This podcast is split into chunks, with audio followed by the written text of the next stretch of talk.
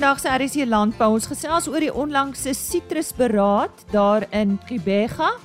Wolf Browdy van Agbus praat onder meer oor die visie 2060.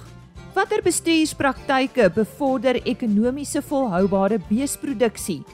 Professor Frikkie Marie van Universiteit van die Vrystaat Departement Landbou Ekonomie was 'n spreker by die Simbra SA Beestelersgenootskap se inligtingsdag op Parys en hy deel 'n paar gedagtes oor hierdie onderwerp. Goeiemôre, my naam is Lise Roberts. Baie welkom by vandag se program. RC Landbou word vandag aangebied met die komplemente van BKB, die betroubare tuiste van landbou. Dis Dinsdag, so dis tyd vir ons wolmarkverslag so aan die begin van die program en daarvoor sluit ons aan by Heinrich Victor van OVK. Goeiemôre, hier is die OVK wolkantoor. Nou, die 26ste wolveiling van die seisoen wat op 29 Maart plaasgevind het, het die Cape Wools Merino aanwyser vir die tweede agtereenvolgende week 'n positiewe neiging getoon en die aanwyser het met 1.3% vir nie gesertifiseerde wol en met 1.7% vir gesertifiseerde wol sterker verhandel teenoor die vorige veiling en teen 'n skoonprys van R172.82 per kilogram en R186.69 per kilogram onderskeidelik gesluit. Die Australiese EMI het ook iets wat kop opgetel hierdie week en so 0.6% sterker verhandel. Ten spyte van 'n sterker geldeenheid tydens die veiling het die Suid-Afrikaanse wolmark steeds positief presteer. Veral volhoubaar gesertifiseerde wol met aktiewe en gesonde kompetisie tussen kopershuise. Nou groot positief was weer eens dat die grootste deel van die aanbieding bestaan het uit wol van 20 mikron en fyner, terwyl 50% van die merino aanbieding bestaan het uit volhoubaar gesertifiseerde wol wat op hulle beurt weer gesorg het vir goeie aanvraag en wesenlike premies. Nou daar is in totaal 8344 bale aangebied na onttrekking van so 794 bale voor die veiling waarvan 92% verkoop is. Modiano SA het op hierdie veiling die grootste hoeveelheid bale gekoop, gevolg deur Standard Wool SA, Tianyu SA en BKB Pinnacle Fibers. Nou die gemiddelde skoonwolpryse vir die seleksie binne die verskillende mikron kategorieë, goeie lang kamwol MF5 tipes was dan soos volg. En soos weer eens, soos altyd altans, onderskei ons tussen gesertifiseerde en nie gesertifiseerde wol. Kom ons begin hierdie keer by 17.5 mikron, nie gesertifiseer. R237.27 per kilogram gesertifiseer. R249.48 per kilogram en die premie was 5.2%. As ons kyk na 18 mikron, sien ons daar nie gesertifiseer R219.70 per kilogram, gesertifiseer R237.78 per kilogram en die premie was 8.2%. Dan kan ons loer na 20.5 mikron en ons sien die nie gesertifiseerde wol het verkoop vir R181.15 per kilogram, gesertifiseer R187.03 per kilogram en die premie was 3.3%. 21 mikron, nie gesertifiseer, verkoop vir R167.90 per kilogram, gesertifiseer R183.46 per kilogram met 'n premie van 9.3%. En laastens kan ons loer na 21.5 mikron, nie gesertifiseerde wol het verkoop vir R167.65 en gesertifiseerde wol se prys was R179.66 per kilogram met 'n premie van 7.2%. Nou ja, dit is weer eens waarvoor ons tyd het hierdie week. Die volgende wolveiling is geskeduleer vir 5 April. Tot ons dan weer gesels. Alles wat mooi is vir u en mooi loop. En so sê Heinrich Victor en volgende week maak hy weer so. Die Sitruskwekersvereniging van Suider-Afrika het op 15 en 16 Maart sy sitrusberaad in Kibega gehou. Die geleentheid wat gewoonlik elke 2 jaar plaasvind, is sedert 2019 weens die COVID-19 pandemie nie gehou nie. Vir terugvoer het ek onlangs met die bestuurder van Agbus se vrugtelesenaar Wolf Browdy gesels. En volgens Wolf was hierdie geleentheid goed bygewoon. Hi, thanks, Lisa. Thank you very much for the opportunity to, to, to speak to listeners. Uh, much appreciated uh, from Agba's uh, fruit side. And yes, it was it was very well attended. In fact, it was sold out, and the pre-summit tours were were sold out. Um, so you had roughly about 550 attendees at the summit uh, held at one of the largest venues in, in Gqeberha, and uh, uh, really, yes, extremely well attended uh, by growers and other stakeholders in the industry. Die sitrusbedryf se visie 2060 is bespreek. Okay, well, uh, it was a very a good uh, opportunity to also profile it to the minister, uh, Minister Didiza, who attended, uh, together with her with with DG from the department. Um, and the the Vision 2060 is essentially to take the industry from uh, currently producing uh, uh about 160 million cartons uh, of citrus up to over the next decade 206 260 million cartons. So that's where the 260 comes from. Uh, and the idea is that um, with the correct logistics and, and management of supply uh, and all the other variables that, that go into to the, the production chain, um, this is entirely possible. Um, and in fact, the supply is already en route because the young trees have already been uh, planted. Um, so the actual supply of citrus to feed that that larger number is already uh, in place and rolling out. Um, and uh, uh will be actually coming through. So, uh, to a large extent, that number is already en route, um, and there are plans to, you know, to, to keep planting to meet that that, that additional number. Uh, but yes, that's that's where it comes from. Die stryd met die EU en die vals codling mot duur voort. Wat is tans die stand van sake? Yeah, unfortunately, that that is still an ongoing uh, uh, issue. Um, as as as listeners and viewers might be uh, aware, um, the EU introduced new measures called treatment measures for the, the for dealing with uh, false codling moth interceptions in in citrus uh, shipments. Um, the issue is that um, the timing of the measures, the way they're introduced, the the processes used um, the lack of consultation and the, the lack of um, uh, uh, taking into account the scientific evidence, which shows that there's been decreasing interceptions. Um, and in comparison to other third party countries, there's a massive discrepancy in terms of South Africa's like three times less interceptions uh, of, of FCM. Um, so with all that taken into account, South Africa actually, at the encouragement of the industry, um, to launch its first ever WTO uh, dispute settlement case. Uh, it's the first time in our history we've, we've utilized this tool with the WTO. Um, and what was meant to happen is that essentially the parties would reach an out of court settlement on the matter. Um, and that's essentially what the dispute process is meant to achieve. However, the the the, the EU has uh, uh, refused to to to withdraw or amend the measures in any form. Um, so they have come into effect uh, now in 2023 and um, the industry is scrambling to try and uh, uh, cope to whatever extent it can. Um, because it eliminates a whole chunk of our exports to the EU, unfortunately, because we don't have the cold chain capacity to to to comply. Um, but what government can do from our side now, um, which has been the case for for uh, since uh, late last year, is ask now for a panel to be established, which is phase two, because phase one was uh, unsuccessful, and then the panel has about 45 days to be established and then runs for about three to six months. Because uh, it's perishable goods, we can ask for it to be an expedited timeline. Um, that panel is independent. It then looks at the merits for South Africa and the EU. It takes an independent decision. Um, the parties must uh, adhere to that decision. Um, the panel can request the EU to, to, to withdraw, change the measures, or reach some other compromise with South Africa. So at that point, you can still have an out of court settlement, uh, so to speak. Um, if the EU refuses at that point to withdraw the measures, amend, or reach a satisfactory uh, compromise, um, then the panel can uh, request, uh, can allow South Africa to, uh, can request the EU to pay compensation.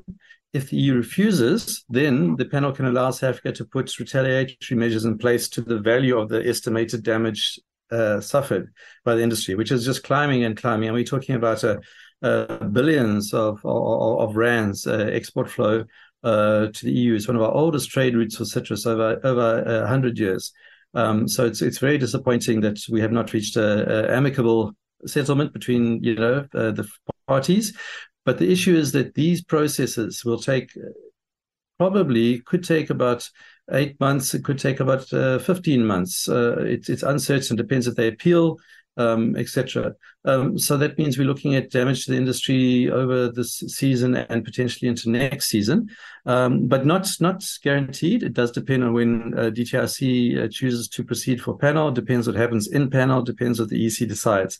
So we are just praying for a, a peaceful outcome that uh, that is a, a, blessing to the industry, um, and that uh, cool heads will prevail, and we'll we'll see a resumption of what is an excellent trading relationship with one of our strongest uh, uh, trade partners and, and, a very strong ally on many other uh, fronts. Suid-Afrika is bekend vir ons sitrus, maar hoe belangrik is hierdie uitvoer kommoditeit? It's quite remarkable, actually, if you look at agriculture in South Africa overall. It's the one sector that has maintained a positive trade balance um, over uh, most of, the, uh, this last decade and increased the trade balance, uh, which means that we have uh, brought money into the fiscus, into to treasury, which then has been obviously redeployed for, for national expenditure and, and developmental purposes. Um, and it's really a national asset, uh, agriculture. Agriculture is only sure just under three percent of GDP, but we are uh, about three to four times that's that that that value in terms of the es- export basket. So about eleven percent of our exports is agriculture. So we're punch above our weight.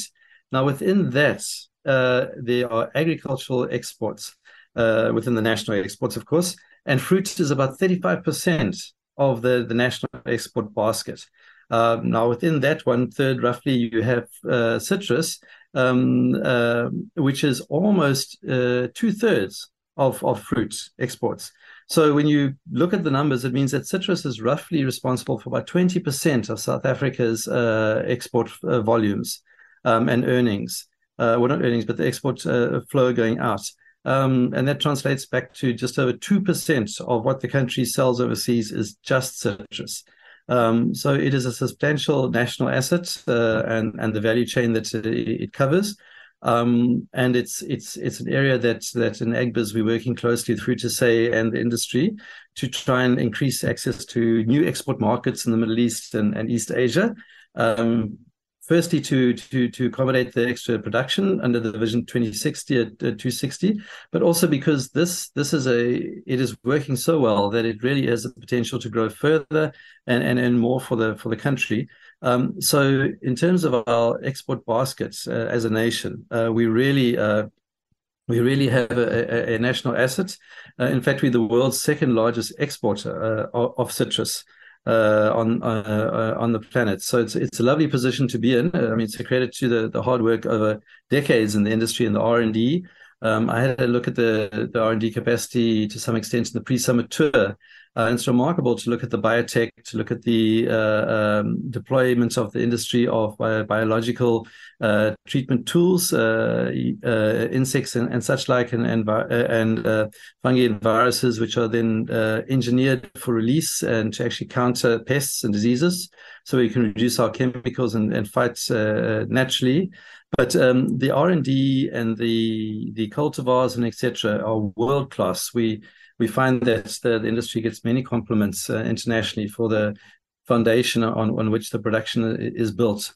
Uh, yeah, so so uh, I mean, speaking uh, just uh, just from the the national perspective, it really uh, is an asset to protect and, and nurture. Dit was dan Wolf Browdy, die bestuurder van Agbus se vrugtelesenaar wat vandag met ons gesels het oor die sitruskwekersvereniging van Suider-Afrika se sitrusberaad wat op 15 en 16 Maart in Kebega gehou is.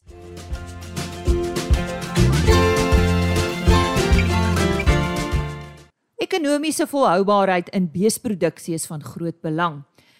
Professor Frikkie Marie, hoof van die departement Landbou-ekonomie Universiteit van die Vrystaat, het hierdie onderwerp op die Simbra SA Beestelersgenootskap se inligtingsdag by die Afridome in Parys aangeraak.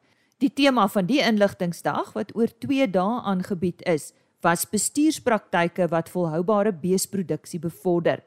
Christelise Miller het met hom gepraat. Ons praat nou met Prof Frikkie Marie, hoof van die departement Landbou Ekonomie aan die Universiteit van die Vrystaat en hy is ook die redakteur van die immer gewilde veeplaas tydskrif. Prof Marie, goeiedag. Dis goed om met jou te praat. Hi Christelisa, is lekker om met jou te gesels. Goed, daar's 3 pilare van volhoubaarheid. Dis die ekonomie, omgewing en sosiaal. So kom ons fokus so bietjie nou op ekonomiese volhoubaarheid. Wat is nou die bedreigings tans in die land vir beesboere om ekonomies volhoubaar te boer? Ek dink as ons begin met ekonomiese volhoubaarheid, moet ons die konsep verstaan. En ekonomiese volhoubaarheid gaan daaroor om basies enige volhoubaarheid gaan daaroor om vir altyd volhoubaar te wees, maar hoe definieer jy dit? So as jy gaan kyk net na ekonomiese volhoubaarheid, dan beteken dit jy moet gaan kyk na beginsels en reëls om te verseker dat jy basies, ek wil nie sê altyd winsgewend nie, maar ten minste altyd kom bo water gaan hou. Nie net vir jou nie, maar ook vir geslagte wat kom. En om dit reg te kry, moet jy dan ook jou omgewing en die mense om jou sosiale aspek daarvan oppas. So ek dink heidaglik as jy gaan kyk na ekonomiese volhoubaarheid, is daar 'n klompie goed wat dit bedreig. Die omgewing is een van die goed wat dit bedreig. Ons kom deur 'n baie groot droogte. Die laaste paar jaar het ons weer in baie dele uitsonderlike hoë reënval gehad wat nie altyd 'n goeie ding is nie. Ons weet nie wat die klimaat vorentoe gaan doen nie. Maar ek dink die groter bedreiging op hierdie stadium is basies die ekonomiese faktore waarmee ons sit. As ons gaan kyk na die internasionale ekonomie, want dit is beslis nie net Suid-Afrika nie, is stygende inflasie 'n probleem en daarmee saam met skerp toename in rentekoerse en dit maak dat die verbruiker minder geld in sy sak het wat die prys aan die voorkant by die winkel vir rooi vleis onder druk plaas en dan word dit weer die verbruikerspryse onder druk plaas. Saam met dit is daar faktore wat meer op plaasvlak speel, soos hoë voerkoste, as mielies 4300 4500 rand per ton kos, dan raak dit redelik duur om diere markgereed te kry. So ek dink vir 'n produsent om kop te hou in al die faktore en daar's 'n klomp ander wat mens kan noem en al die faktore wat hom op hierdie stadium bedreig, wat sy besigheid se winsgewendheid bedreig, wat sy ekonomiese vooruitgang bedreig, moet hy 'n redelike mate van goeie beplanning doen om nog steeds kop bo water te bly. So nog bykomende faktore is abattoirs wat hulle deure sluit. Die kragkrisis in Suid-Afrika, ehm um, dit het ook 'n impak. Ek dink ons sit met 'n groot probleem in terme van beerdkrag of load shedding soos ons almal dit ken. En vir ons is dit baie keer maar ondrie want ek kan nie TV kyk nie of ek kan nie goed doen wat ek wil nie. Maar die groot probleem lê op veral op proseseringsvlak, veral as jy gaan kyk na die rooi vleiswaardeketting waar ons regtig afhanklik is van Eskom om die koue ketting te handhaaf. Ja, daar sekerre planne wat gemaak kan word.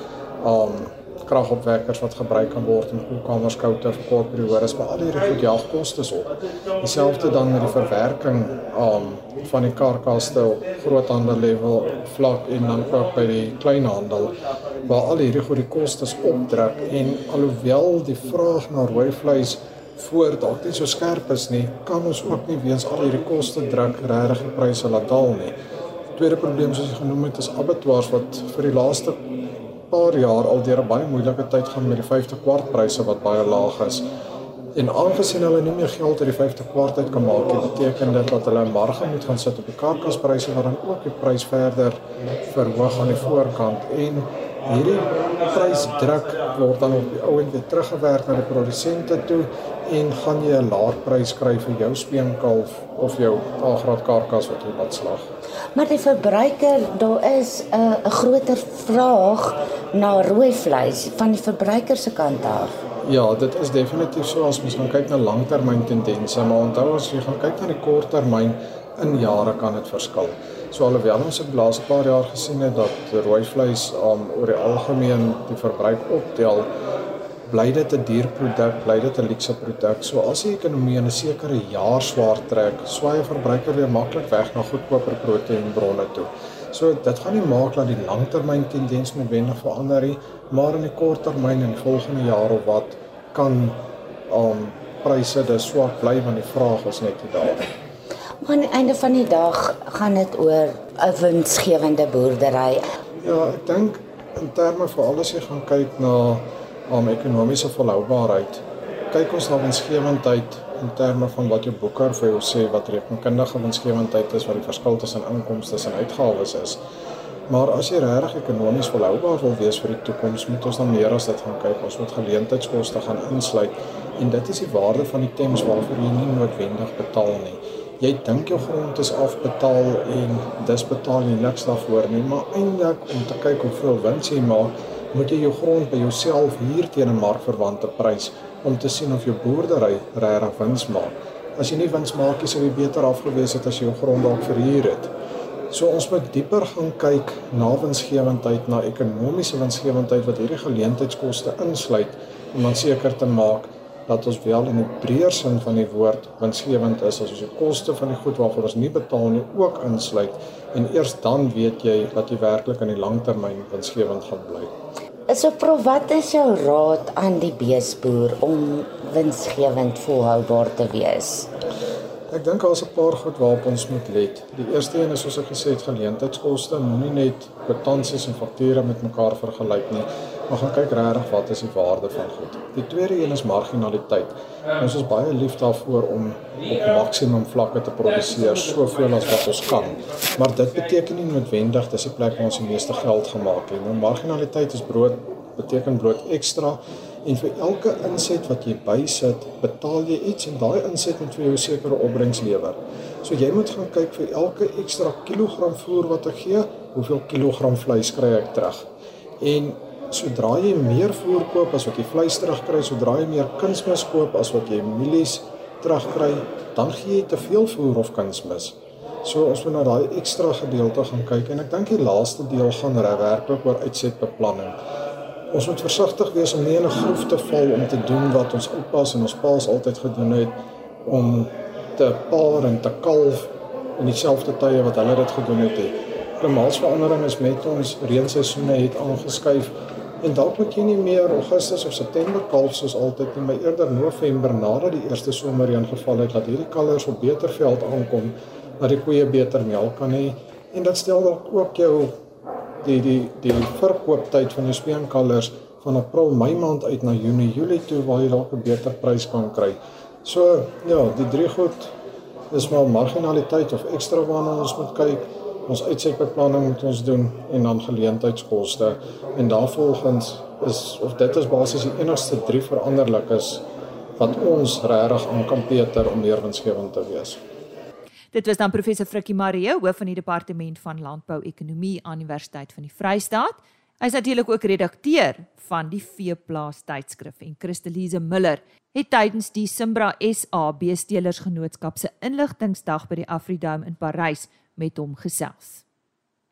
Dis dan vandag se RSG landbou wat aangebied is met die komplemente van BKB, die betroubare tuiste van landbou. Ek sluit af soos gewoonlik met 'n e-posadres en 'n webtuiste: rsg.co.za vir die volledige RSG landbouprogram. Jy kan ook die volgende webtuiste raadpleeg. Daar word die onderhoude gelaai. Dit is www.agriorbit.com en dan 'n e-posadres rsglandbou@plaasmedia.co.za. Ek wens jou 'n goeie dag toe. Totsiens. RSG Landbou is 'n Plaas Media produksie met regisseur en aanbieder Lize Roberts en tegniese ondersteuning deur Jolandi Rooi.